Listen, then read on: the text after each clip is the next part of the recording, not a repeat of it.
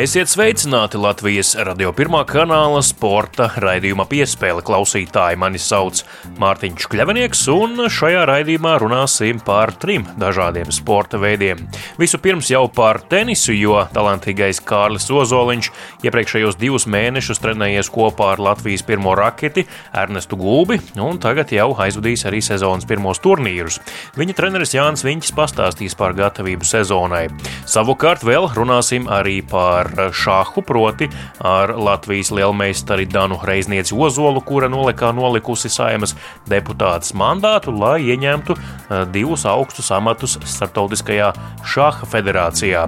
Vēl sarunāsimies arī ar Daugavas stadiona valdes locekli Danielu Nātriņu, un tas skars vairākus sporta veidus, gan vieglatlētiku, jo drīzumā tiks atjaunots stadiona skrejceļa segums, tāpat arī futbolu, jo tiek strādāts arī pie zālāja laukuma uzlabošanas, Savukārt, kādi sporta veidi mājos jaunceļamajā multifunkcionālajā halē pie stadiona, arī to uzzināsim jau pēc pavisam īsa brīža.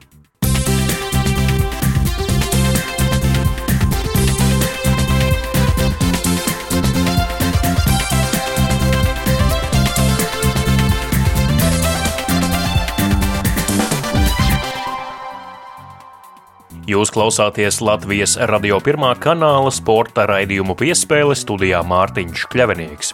Viens no talantīgākajiem Latvijas jaunajiem tenisistiem Kārlis Ozoliņš pagājušajā gadā Deivisa kausa izcīņās sevi labi parādīja un pieteica arī lielajai tenisa skatuvēji spēlējot plecu pie pleca ar Ernestu Gulbi. Tolaik viņš arī epizodiski trenējās kopā ar Latvijas pirmo raketi, bet jau tagad to dara ikdienā, jo pārtraucis sadarbību ar akadēmiju akadēmiju Vācijā un kļuvis par pilntiesīgu Gintera Bresnika audzēkni. Latvijā gan Kārli joprojām trenē līdzšinējais viņa treneris Jānis Viņķis, un ar viņu aprunājos par to, kāds ir kāļa progress aizvadītā gada laikā un kāpēc varbūt to uzreiz turnīru rezultātos nevar redzēt. Jāzina, treneris ir viens, nu, ja mēs esam Latvijā, tad uh, mēs, mēs parasti esam mēs ar viņiem uz kortas, nu, kuros brīžos vai nu viņi būs abi kopā Austrijā, vai viņi ir šeit Latvijā. Un, Līdz ar to nu, viņi trenējās kopā. Tas nav tā tikai, kad uh, nedēļu patrenējamies un tad katrs iet savu ceļu. Nu, tas pagaidām nav skaidrs, protams, ka tā ceļošana, jā, nu, Ernestam savu turnīru, Kārlim savu, bet nu, tas arī ir normāli tenisā. Jo kā tev arī tu īsti nesaproti, kur tev jābrauc, jo, piemēram, Kārlim bija doma varbūt braukt uz Tunisiju turnīriem uh, trīs pēc kārtas, bet tur ir dotajā brīdī Tunisijai noteikums, ka tev ir desmit dienas tomēr tā. Tev jāiebrauc uh, un jāuzturās tajā valstī jau desmit dienas, ar atkal tur tie testi jādara. Nu, nu, katrai valstī ir savādāk, respektīvi. Tas sarežģīja to, to, to teiksim, tādu uh, no tā brīža plānošanu. Bet, nu, es domāju, ka tas nav mūžīgi un līdz ar to pēc tam jau ieies normālās sliedēs. Kādi ir tie treniņi Latvijā, ko jūs vadāt? Uh, nezinu, treneris Ginters jums sūta kaut kādu plānu vai, vai nav tādas norādes? Es pats vēl ar diezgan daudz reizes esmu bijis ar, ar pie Gintera, tā kā viņa akadēmijā, tur klātajos treniņos, jo to metodiku es tā kā zinu un tā.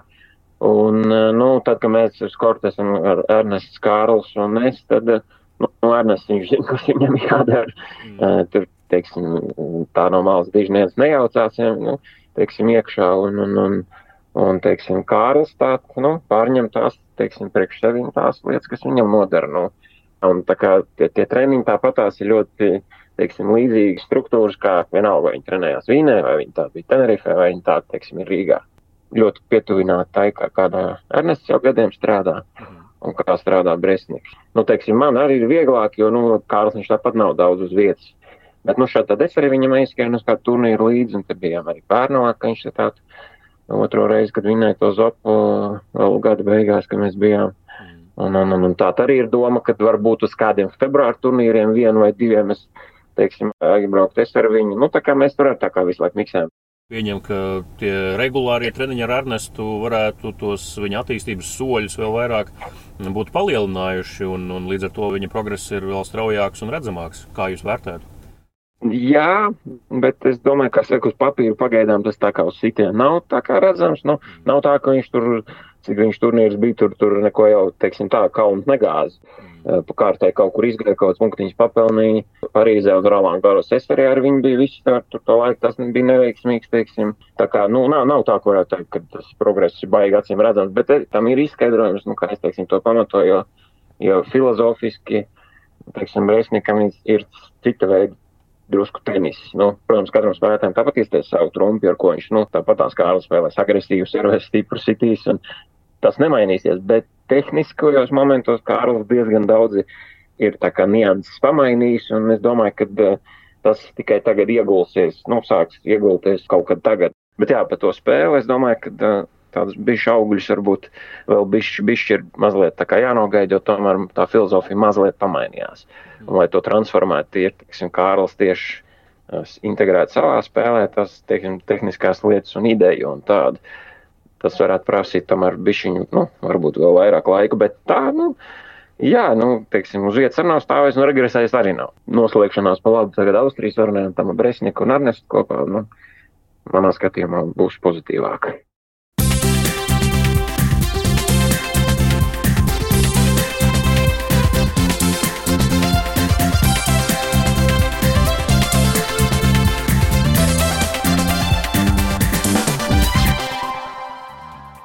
Turpina skanēt Latvijas radio pirmā kanāla sporta raidījums piespēle. Šī nedēļa nesa vēsti, ka no saimas deputāta mandāta atteiksies Dana Reizniece Ozola no Zaļo un Zemnieku savienības, lai pievērstos darbam Startautiskajā šaha federācijā, kur viņa ieņems divus augstus amatus. Lai uzzinātu ko vairāk par šāha lielmeistaras plāniem, sarunājos ar Danu Reiznieci Ozolu. Latvijas radio pirmā kanāla sporta raidījums piespēle turpinās studijā Mārtiņš Kļavinieks, un šobrīd esam sazinājušies ar kādu latvieti, kura ir, nu, laikam jau kādu vēsturisku ierakstu arī atstājusi Latvijas sporta annālēs līdz ar šīs nedēļas sākumu, jo Dana Reizniec Ozola bijusi finanšu ministre, līdz šim arī saimnes deputāte, kļūsi par Startautiskās šāda federācijas rīkotāju, direktori un valdes priekšsēdētāju vietnieci. Un ar Danu Reiznieci Ozolu arī sarunāsimies raidījuma turpinājumā. Labrīt, Dana! Labrīt! Jā, mūsu saruna notiek no rīta, un uh, līdz ar to dienas darbīgā daļa ir sākusies. Līdz ar to uzreiz arī ķeršos pie tāda pietiekami tieši jautājuma. Jūs pati taustījāt to vidi Startautiskajā šaha federācijā un vēlējāties tur ko darīt, un skatījāties, kādā amatā varētu izpausties, vai tomēr tas bija kāds negaidīts zvans, kas jūs pārsteidza ar piedāvājumu? Drīzāk negaidīts zvans. Tas, ka es esmu bijis aktīva arī starptautiskajā šaha vidē, gan ir fakts, jo es jau divus gadus esmu Eiropas šaha savienības viceprezidente.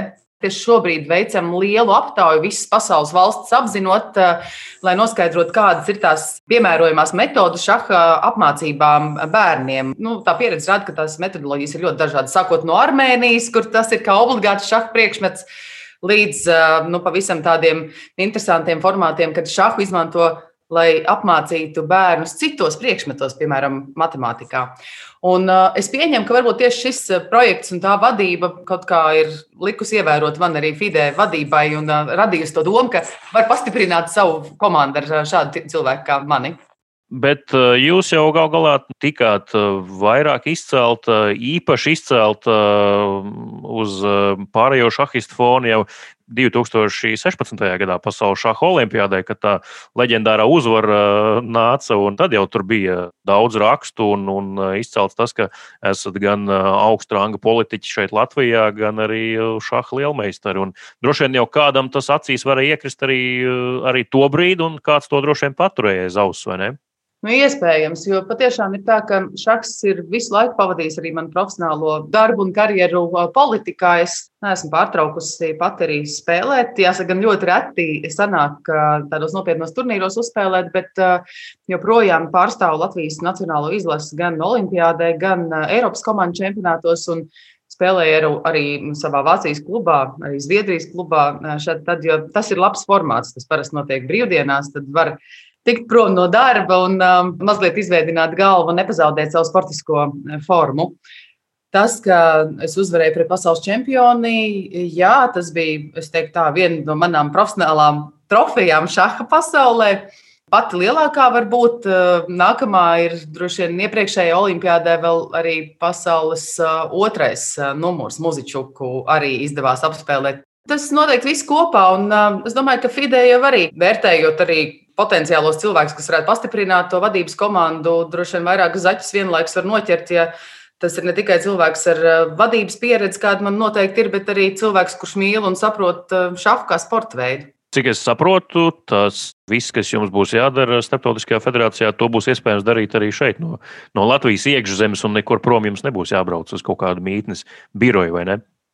Jā, tā ir tā labā ziņa. Tas bija arī viens no priekšnosacījumiem, pieņemot uh, lēmumu, kad sapratu, ka nekur nav jābrauc. Jo Starptautiskā šaha federācija patiesībā ir viena no vecākajām sporta federācijām, starptautiskajām organizācijām. 1924. gadā dibināta kopā vienlaikus apmēram ar futbolu un vēl divām federācijām. Tā ir reģistrēta Šveicē. Bet visa vadība, ņemot vērā, ka tā pārstāv 190 valstu, tad visa vadība arī lielā mērā strādā tieši no tām zemēm vai valstīm, kur ir mītnes valsts vadībai arī klātienes tikšanās, tad, kad tas būs iespējams. Bet lielā mērā es domāju, ka daudzas organizācijas, un tā skaitā šī, ir jau pieradusi diezgan ērti strādāt arī attālināti, izmantojot dažādas e-platformas. Kas ir tie galvenie izaicinājumi šobrīd vispār šāda vidē pasaulē? Nu, tiek runāts par to, ka daži jau, nezinu, laikam ekstrēmākie skeptiķi saka, ka klātienes šachs principā sacensību režīmā vispār izzudīs un vispār ies uz tiešsaisti. Laikam jau tas tomēr uh, nav īpaši reāli. Kā jūs raksturot, kas ir tie izaicinājumi, kas jums kā organizācijai ir uh, tagad klātesoši un kuri būs jārisina, kā problēma jautājumi varbūt? Kam es tieši vēlos pievērsties, ir tas, lai šaha federāciju neuztvertu tikai kā organizāciju, kas atbalsta profesionālos šaha sportistus un organizētu lielos čempionātus, olimpiādas mačus. Es gribu, lai FIDE vaipstos iegūst jaunu, arī tādu redzamu līniju. Tas ir, ka mēs šo spēli izmantojam arī plašāku sabiedrību iesaistīšanai, bērnu apmācībai skolās. Es tiešām ļoti ticu nu, tā idejai, ka nu, bērniem jau agrā vecumā šahu uh, iemāca. Zinu, ka šobrīd tik ļoti strauji mainās profesijas. Tu nevari tā īsti uzminēt, kas tad būs topā, kas būs pieprasīts pēc 20 gadiem, tad, kad tavs mazais bērns nonāks darba tirgu. Ja tā var teikt, tas, kas manuprāt ir visgudrākais, ko vecāks var darīt, iedot bērnam prasmes.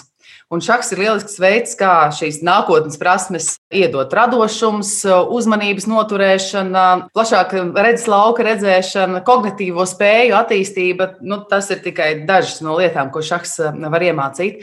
Nu, un uh, arī dažādi veidi sociālās uh, integrācijas pasākumos, sabiedrības jutīgāko, jeb uh, mazāk aizsargāto daļu iesaistēja ar šādu palīdzību. Tas ir sporta veids, kuru salīdzinoši viegli pārcelt arī uz uh, internetu vidi. Ja Citos fiziskos sporta veidos tas praktiski nav iespējams, un Covid ierobežojumu dēļ tagad eh, ļoti daudz pasākumu ir atcelti un ir eh, grūtības arī profesionāliem sportistiem.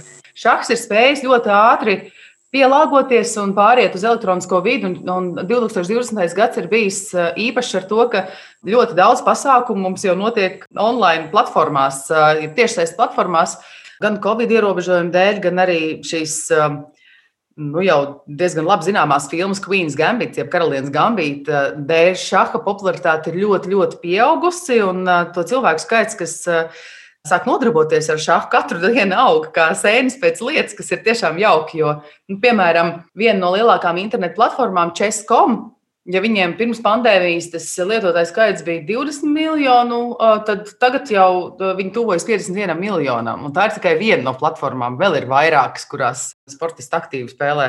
Un arī amatieru un šahu mīļotāji nodarbojas un mācās, mācās šahu. Tas ir jauki, un es ceru, ka tas nav tāds īslaicīgs popularitātes vilnis, kad mēs, mums izdosies noturēt to pastāvīgo interesi par šo sporta veidu. Jā, nu jūs kā pieredzējuši šahiste jau eh, pagājāt, domājāt, laikam, pāris gājienus uz priekšu, tikko atbildējāt uz manu jautājumu, ko es grasījos uzdot par šāda um, eh, popularitāti un tās pieaugumu. Prieks, ka pandēmija to ir sekmējusi un, un tas uh, ir kļuvis vēl masveidīgāks sporta veids. Uh, bet par šādu kā tādu tā ir iespēja principā nevis sakaut kādu ar savām fiziskajām spējām, kuras eh, vairāk vai mazāk eh, nu, tāds mm, absolūti normāli funkcionāls organisms var attīstīt, bet tur tomēr prāts nav tik viegli trenējams, kā cilājot dzelžus un uztrenējot muskuļus. Tur ir tā šaha burvība, ka tu tomēr kādu var sakaut nevis ar brutālu spēku, bet ar intelektu. Protams, bet man arī bez, šī, bez šīs sajūtas, ka tu vari kādu sakaut ar intelektu, nevis ar fizisku spēku, vienmēr ir bijis svarīgs tas, ka tā ir tomēr arī miedarbība starp diviem cilvēkiem. Diezgan liela arī tāda psiholoģiska spēle. Tāpēc man patīk šachs klātienē, un es domāju, ja Ja uzdod jautājumu, vai tiešām online šachs neapēdīs dzīvo šahu, noteikti nē, tāpēc ka es pilnīgi noteikti neesmu vienīgā šahista, kam šis fiziskais kontakts, tā iespēja ieskatīties pretiniekam acīs, mēģināt atrast viņa vājās vietas, mēģināt nojaust, kā viņš šodien jūtas, tad tu vari saprast, vai tu vari vairāk riskēt, vai tomēr jāsēž uz rokām, jāspēlē tāds zolīts, stabils šachs. Tas ir ļoti svarīgi. Tas ir tas, kas mūs baro, kas rada to gandarījumu sajūtu un tādas emocijas. Nu, Kādēļ cilvēki vispār ar sportu nodarbojas? Ja? Jo mums sports jau vispār nav izņēmums. Tā ir lieta, kas dod cilvēkam ļoti, ļoti plašu emociju gammu. Arī prasa diezgan labu fizisko formu. Parasti šķiet, ka tā nu, var neko fiziski nedarīt un labi vien spēlēt šahu, bet, ja tu gribi kļūt par pasaules čempionu vai vienu no labākajiem pasaulē, tad ir ļoti jārūpējas par savu veselību un jābūt arī labai fiziskai formai. Pat eh, tādā profesionālā, pusprofesionālā līmenī spēlējot, nu, diezgan labi redzams, ka, ja tu neesi arī fiziski labi sagatavojies, tad eh, nu, pēc kādas trešās, ceturtās stundas smadzenes vienkārši atsakt un nevarēs būt ne tuvu savā labākajā formā. Tāpēc mm. Labam šahistam ir jābūt arī labā fiziskā formā, veselā miesā, vesels gars. par politiku, turpinot tēmu par politiku un šahu. Kurš ir augstākā ranga tāds politiķis, ar kuru esat sēdējis pie šaha galdiņa un bīdījis figūras? Tā ir kundze, ar kuru man ir bijusi garākā šaha partija vēsturē. Nu, manā. Tā ir ilgus 7 stundas 15 minūtes. 98. Mm. gadā Kalnikijā, šāda olimpiādē, manā pirmajā. tā ir Viktorija Čmilīte. Viņa ir izcila Lietuvas šahista lielmeistare, kura dažus gadus jau ir aktīva politikā, un pagājušajā gadā, 2020. gadā, viņa kļuva par Lietuvas parlamentu spīkeri. Tāpēc es viņu labprāt arī minu, jo viņa ir lielisks piemērs arī dzēn, ka izcils šahists, varbūt arī ļoti izdevies un labs un gudrs politiķis. Īpaši jau sporta vidē jūs eh, joprojām bargi tiekat kritizēti par pirms pāris gadiem veikto nodokļu reformu saistībā ar ziedojumiem sportam. Pieņemat kritiku, bija tur kļūdas, vai tomēr tas ir uzlabojis to visu situāciju? Jo zinām, kā tas bija. Nu, beigu beigās jau uh, tie lielākie, kā sakot, pretenziju izteicēji nemaz nebija tie, kur saņēma tos lielākos ziedojumus, jo zinām, kāpēc. Tur jau bija arī laba sistēma iestrādājusies, kā to naudu dabūt atpakaļ ziedojumi netika izmantoti īstam mērķim, kam būtu jāizmanto, bet eh, tā bija kāda naudas pārdala. Tas arī ir fakts. Kopumā visa ziedojuma sistēmas maiņa ir neizbēgama, ja maina uzņēmuma ienākuma nodokļu sistēmas eh, maksāšanas kārtību. Tas arī ir fakts. Citu variantu īsti nebija. Ja mēs gribējām ieviest 0% likmi reinvestētāju peļņai, motivējot tādā veidā uzņēmumus ieguldīt attīstībā, uzlabot savu pašu kapitāla struktūru, tādā veidā arī kļūstot konkurētspējīgākiem un arī pievilcīgākiem kreditoriem un investoriem. Nu, es teiktu, tā, ka es esmu ļoti apmierināta, ka šis solis tiks spērts. Mēs redzēsim jau tuvākajā laikā arī to nu, pozitīvo ietekmi uz Latvijas tautsājumniecību un uz īpaši maziem vidējiem uzņēmumiem. Ja? Tas, kas gan arī skaidrs, ka jā, daļai sporta pasaules ziedojuma apjoms strauji krita.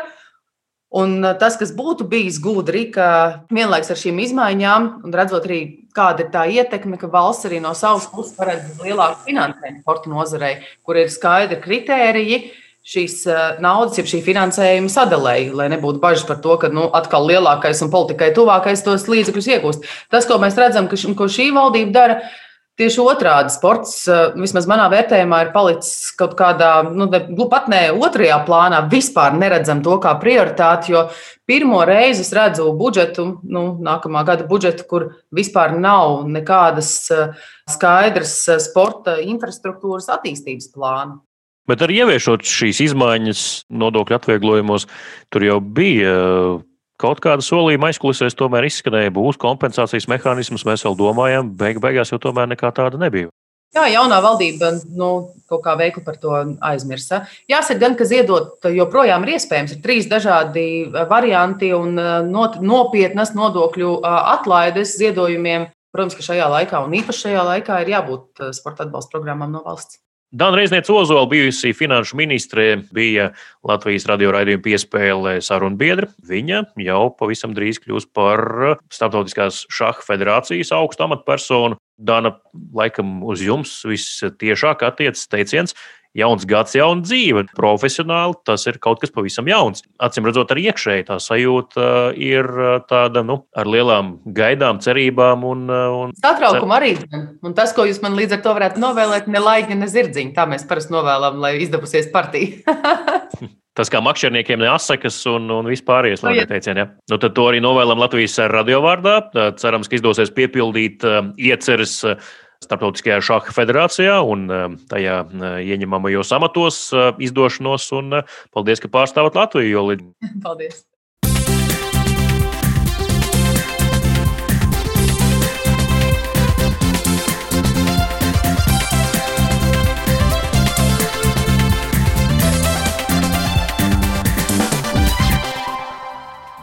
Jūs joprojām klausāties Latvijas radio pirmā kanāla sporta raidījumu piespēle studijā Mārtiņš Kļavinieks un turpinājumā runāsim par Daugavas stadionu attīstību. Jau pirms vairākiem gadiem to rekonstruēja, tagad tas ieguvis jaunas tribīnes un arī labāku ārēju izskatu. Savukārt dažādu jaunu objektu būvniecība eh, stadionam piegulošajā teritorijā joprojām turpinās. Eh, hokeja hāli paredzēts nodot eksploatācijā 17. martā, tāpat drīz sāks celt multifunkcionālo halli, kur mājošot vairāki sporta veidi, gan vieglatlētika, eh, gan arī basketbols un volejbols. Jaunu segumu jau šogad iegūs arī vieglatlētikas stadions. Par to visu raidījuma turpmākajās minūtēs saruna ar Daugavas stadiona valdes locekli Danielu Nātriņu.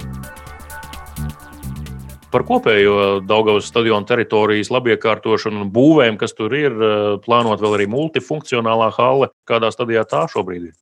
Par manēžu runājot, ir tā, ka 29. par multifunkcionālo manēžu, ja, ka 29. septembrī 2020. gadā mēs saņēmām būvatļauju Un faktiski tajā brīdī mēs sākām jau komunikāciju ar, ar, ar federācijām, jau faktiski no Vieglatlētikas savienību un meklējam tādus kopīgus, nu, teiksim, tos pamatus attiecībā uz to, kādam būtu jāizskatās tam sporta objektam. Viņam ir jābūt, teiksim, ir jāveido veiksmīgu sinerģiju ar, teiksim, ar centrālo laukumu ar stadionu sadaļu, tātad ar skrejceļu, ja? un ar, arī ar, ar treniņu laukumu. Jo ir svarīgi, lai varētu norisināties uh, starptautisku līmeņa sacensības. Līdz ar to teiksim, šiem visiem sporta objektiem ir jābūt uh, teiksim, savstarpēji kaut kādā ziņā uh, arī sasaistītiem. Līdz ar to tas ir smags darbs, un šobrīd faktiski ir tā, ka manēžu kontekstā mēs esam nosūtījuši arī federācijām šobrīd tātad uz gala saskaņošanu, tehnisko specifikāciju. Mūsu aplēs ir tāda, ka nākamās nedēļas laikā mums jau būs zināma tā, tā gala specifikācija, bet vienlaikus vienlaikus arī nosūtījām uz Centrālo finanšu līguma aģentūru izskatīt iepirkumu dokumentāciju, tātad uz to saucamo pirmspārbaudu, kas arī paņem zināmu laiku. Manēžas iepirkums ir plānots izsludināt 2021. gada, šogad tātad februāra sākumā projekta ietvaros būvniecība, tātad gala termiņš, vispār tas Eiropas projekts, uz kā pamata arī tika saņemts finansējums uh, šim objektam, vispār nu, objektu kopumam, visam pasākumam. Ja, ir um, jāpabeidz līdz 22. gada beigām. Mums viņš šobrīd tāds arī ir un gan realistisks arī ir tas termiņš. Līdz ar to, skatoties no kaut kādiem termiņu kavējumiem, tad arī šajā sadaļā viņi nav paredzēti un visam būtu jānotiek noteiktajos termiņos. Jā, varbūt jūs varat arī pārapstiprināt uh, jūsu priekšgājēji teikto, vai tiešām tā ir. Ja netiek tas izpildīts, un šajā termiņā viss netiek uzbūvēts, tad uh, tur tā nauda, kas ir laikam 38 miljoni Eiropas naudas no valsts budžeta, ir jāatmaksā atpakaļ Eiropai. Tā ir. Es teikšu, tā nu, tas ir galīgais, super negatīvais scenārijs, par kuru mēs vispār šobrīd pat nerunājam, jo mums nav pamata uzskatīt, ka tas varētu iestāties šajā brīdī. Ja, Bet, pat, nu, teorētiski iespēja tāda pastāv. Nu, teorētiski iespēja, protams, ka tāda pastāv. Tas ir Eiropas projektu spožums un posts, ja mēs tā varam teikt. Jā, attiecībā uz to, ka ir iespējams arī jebkurā brīdī pazaudēt šo finansējumu. Bet nu, tas uzskatām, ka nē, nu, sliktākajā gadījumā, ja droši vien, ka lūgtu projekta termiņu pagarinājumu, ja tam būtu teiksim, tāds um, leģitīms pamatojums. Ja, precedenti ir šādām um, darbībām, bet mēs neredzam nepieciešamību šobrīd pēc šāda soļa un um, pat faktiski to neizskatām. Līdz ar to teiksim, līdzekļu uh, atmaksas variants pat tiešām nekādā gadījumā netiek izskatīts par eh, šo halli. Nu, jūs jau arī minējāt un lietojāt terminu manēža. Tik tiešām sākumā bija paredzēts, ka tā būs vieglatlētīgas manēža. Tad šķiet, vēl Elmāra Martinsona laikā tas jau pārtapa par tādu multifunkcionālu sporta spēļu halli. Finansējuma sašaurinājuma dēļ, laikam tā sanāk. Tad Gundas Zālīts tur to jautājumu risināja. Tur kā basketbols, volejbols, laikam paredzēts bija. Ko Daniels Nātriņš var pastāstīt, kāds ir šī brīža projekts, kas tur būs, kādi sporta veidi tur dzīvos, cik tur skatītāji varēs uh, ietilpt. Volejbols iepriekš nebija paredzēts. Tagad volejbols ir paredzēts. Pats esmu volejbolists. Papētījām nedaudz, ko mēs varam izdarīt lietas labā, lai maksimāli pieslēgtu vairāk um, lietotājus. Tātad jauninājums no tā, ko, ko minējāt, ir volejbols, kas reāli tagad arī ir paredzēts. Nu, un ir paredzēts arī telpu futbols. Nosūtījām arī un uh, ceram uz sadarbību ar, ar, ar Basketbalu savienību. Tātad basketbols ir plānots, ir plānots florbols, handbols un vispār uh, sporta spēļu, nu, tātad uh, komandas sporta spēles ir, ir, ir, ir plānotas tā skaitā. Ja? Nu, mūsu interesēs ir maksimāli paplašināt lietotāju loku, jo nu, tīri kaut kādēļ finanšu apsvērumu dēļ, ja mums būs noslogotāka manēža, jo mums būs lielākas opcijas to faktiski arī atpelnīt, uzturēt un um, faktiski izdzīvot. Faktiski ir paredzēts 1998 sēdvietas. Līdz ar to liela daļa no arī starptautiskiem sporta pasākumiem būs iespējas arī nodrošināt. Bet, nu, protams, ka liela nozīme būs sadarbībā ar Vieglatlētikas savienību. Ja, nu, tā ir arī vieglatlētu manēža. Ja, nu, tam tiešām būs bez šaubām liela nozīme, kā, kā mēs ar viņu spēsim sadarboties un attiecīgi attīstīties kopā. Bet, respektīvi, reāli vidē tas izskatīsies kā apkārt skrejceļš, vidū divi laukumi. Jā, vai, vai jā, jā, tieši tā, precīzi. Jā. Šobrīd tas tiešām ir Dāngos stadiona atzimšanas laiks, un līdz 22. gada beigām viņš būs tā izmainījies, ka neviens faktiski nevarēs to atpazīt, ja mēs skatāmies dažu gadu atpakaļ. Mums īstenībā ir liela plāna arī ar Futbola federāciju. Mēs runājam, ja mēs lecam tālāk par tematu, vispār par projektiem. Tad par šobrīd... centrālo laukumu, jā, par zālāju. Tur arī Futbola jā, es... iepriekš jau bija teikusi, ka viņi labprāt ieguldītu naudu zālāju atjaunošanā. Ar par to tiek runāts tagad. Jā. Valsts ir ieguldījusi pamatkapitālā arī gan lielu naudas summu, attiecīgi, lai veiktu arī šīs darbības. Ja mums ir plānots arī atjaunot šo zālāju un atjaunot arī mm, vieglietīgas skrejceliņu, lai viņš atbilst arī visām prasībām. Papildus šobrīd mēs diskutējam, un es arī ļoti ticu tam, ka mēs realizēsim projektu ar Futbola mm, federācijas palīdzību. Faktiski viņa finansējums VIP sēdvietu, tātad VIP tribīņu sadaļas izbīdāmā jumta mm, izbūve kas ir diezgan nopietns projekts, kas ir nepieciešams, lai iegūtu šo ceturto kategoriju saucamo, un lai Daugos stadions būtu pie pasaules līmeņa, teiksim, tādas top elites stadioniem, nu, teiksim, tā pieskaitāms. Ja. Līdz šī gada faktiski līdz vidum vajadzētu būt, ka tas projekts arī tiks realizēts. Guntis Zālīts jūnijā stāstīja, ka esot apmēram drusku vairāk nekā miljons, lai atjaunotu skrejceļu un uh, zālāju. Līdz ar to par zālāju apsildi nevar būt nerunas. Tam naudas nepietiek. Jāizvēlas pietiekami sakarīgs, teiksim tā, skrejceļa segums, lai tas būtu parocīgs vieglietiem un nebūtu gluži no tā, tā lētākā gala. Kāds ir plāns? Tāds arī ir plāns, ka apsilde nebūs. Apsilde tā tad nebūs, jā, jo tiešām finansējums vienkārši tam nepietiks. Savukārt par skrejceļu pagaidām es nekomentēšu, tāpēc, ka mums vēl notiek teiksim, sarunas šajā jautājumā. Un, bet tas, ko es varu pateikt, ka mēs teiksim, tā, ņemsim vērā tipu, tātad skrejceļu tipu, mēs noteikti paļausimies uz Vieglatlētikas savienības ieteikumiem kā profesionāļiem, jo kas gan labāk zina, ja ne viņi par to, kādam ir jāizskatās šim skrejceļam. Attiecībā mums vēl ir blakus vēl viens objekts, kas ir uh, futbola un uh, treniņa laukums, kurš arī paredzēts ir. Un uh, blakus vēl ir arī vieglatlētikas treniņa laukums, kas arī ir teiksim, viens no objektiem, kas tiks atjaunots. Nu, un mūsu sarunas noslēgumā, kā pašam Daugavas stadionam šobrīd iet ar, ar finanšu bilanci. Vispārējo zinām, ka nu, pagājušais gads bija pietiekami liela un ilga dīkstāve ar dažiem atsevišķiem futbola mačiem, izpalika lielie koncerti un vispārējais, kas tur bija plānots. Skaidrs, ka šī gada sākums arī ir kluss. Kāda ir jūsu finansiālā situācija? Cik maciņā naudas un cik ir mīnusā?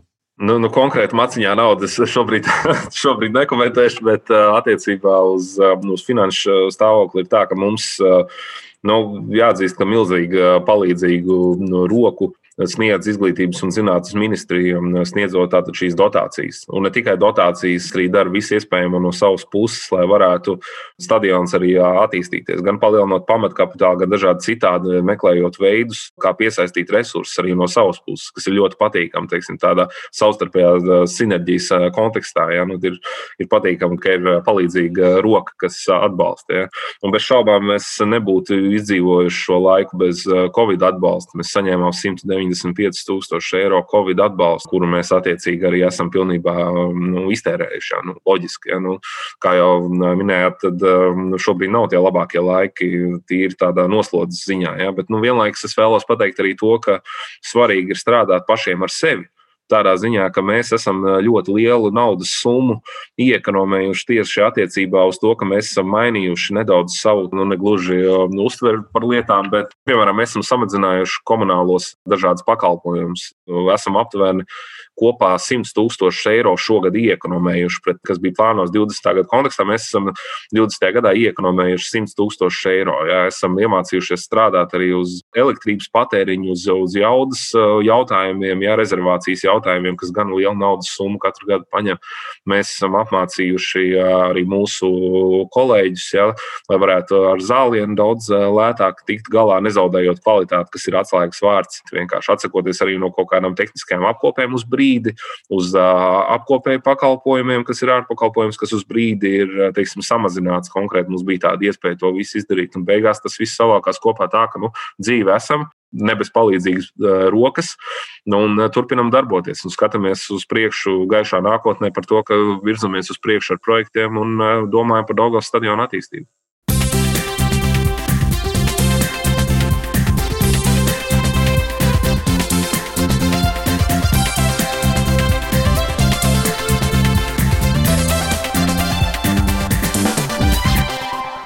Līdz ar to izskan šīs nedēļas sporta raidījums piespēle. To veidoja un vadīja Mārtiņš Kļavinieks, par labskaņu parūpējās Reinis Budze. Uz sadzirdēšanos jau nākamnedēļ!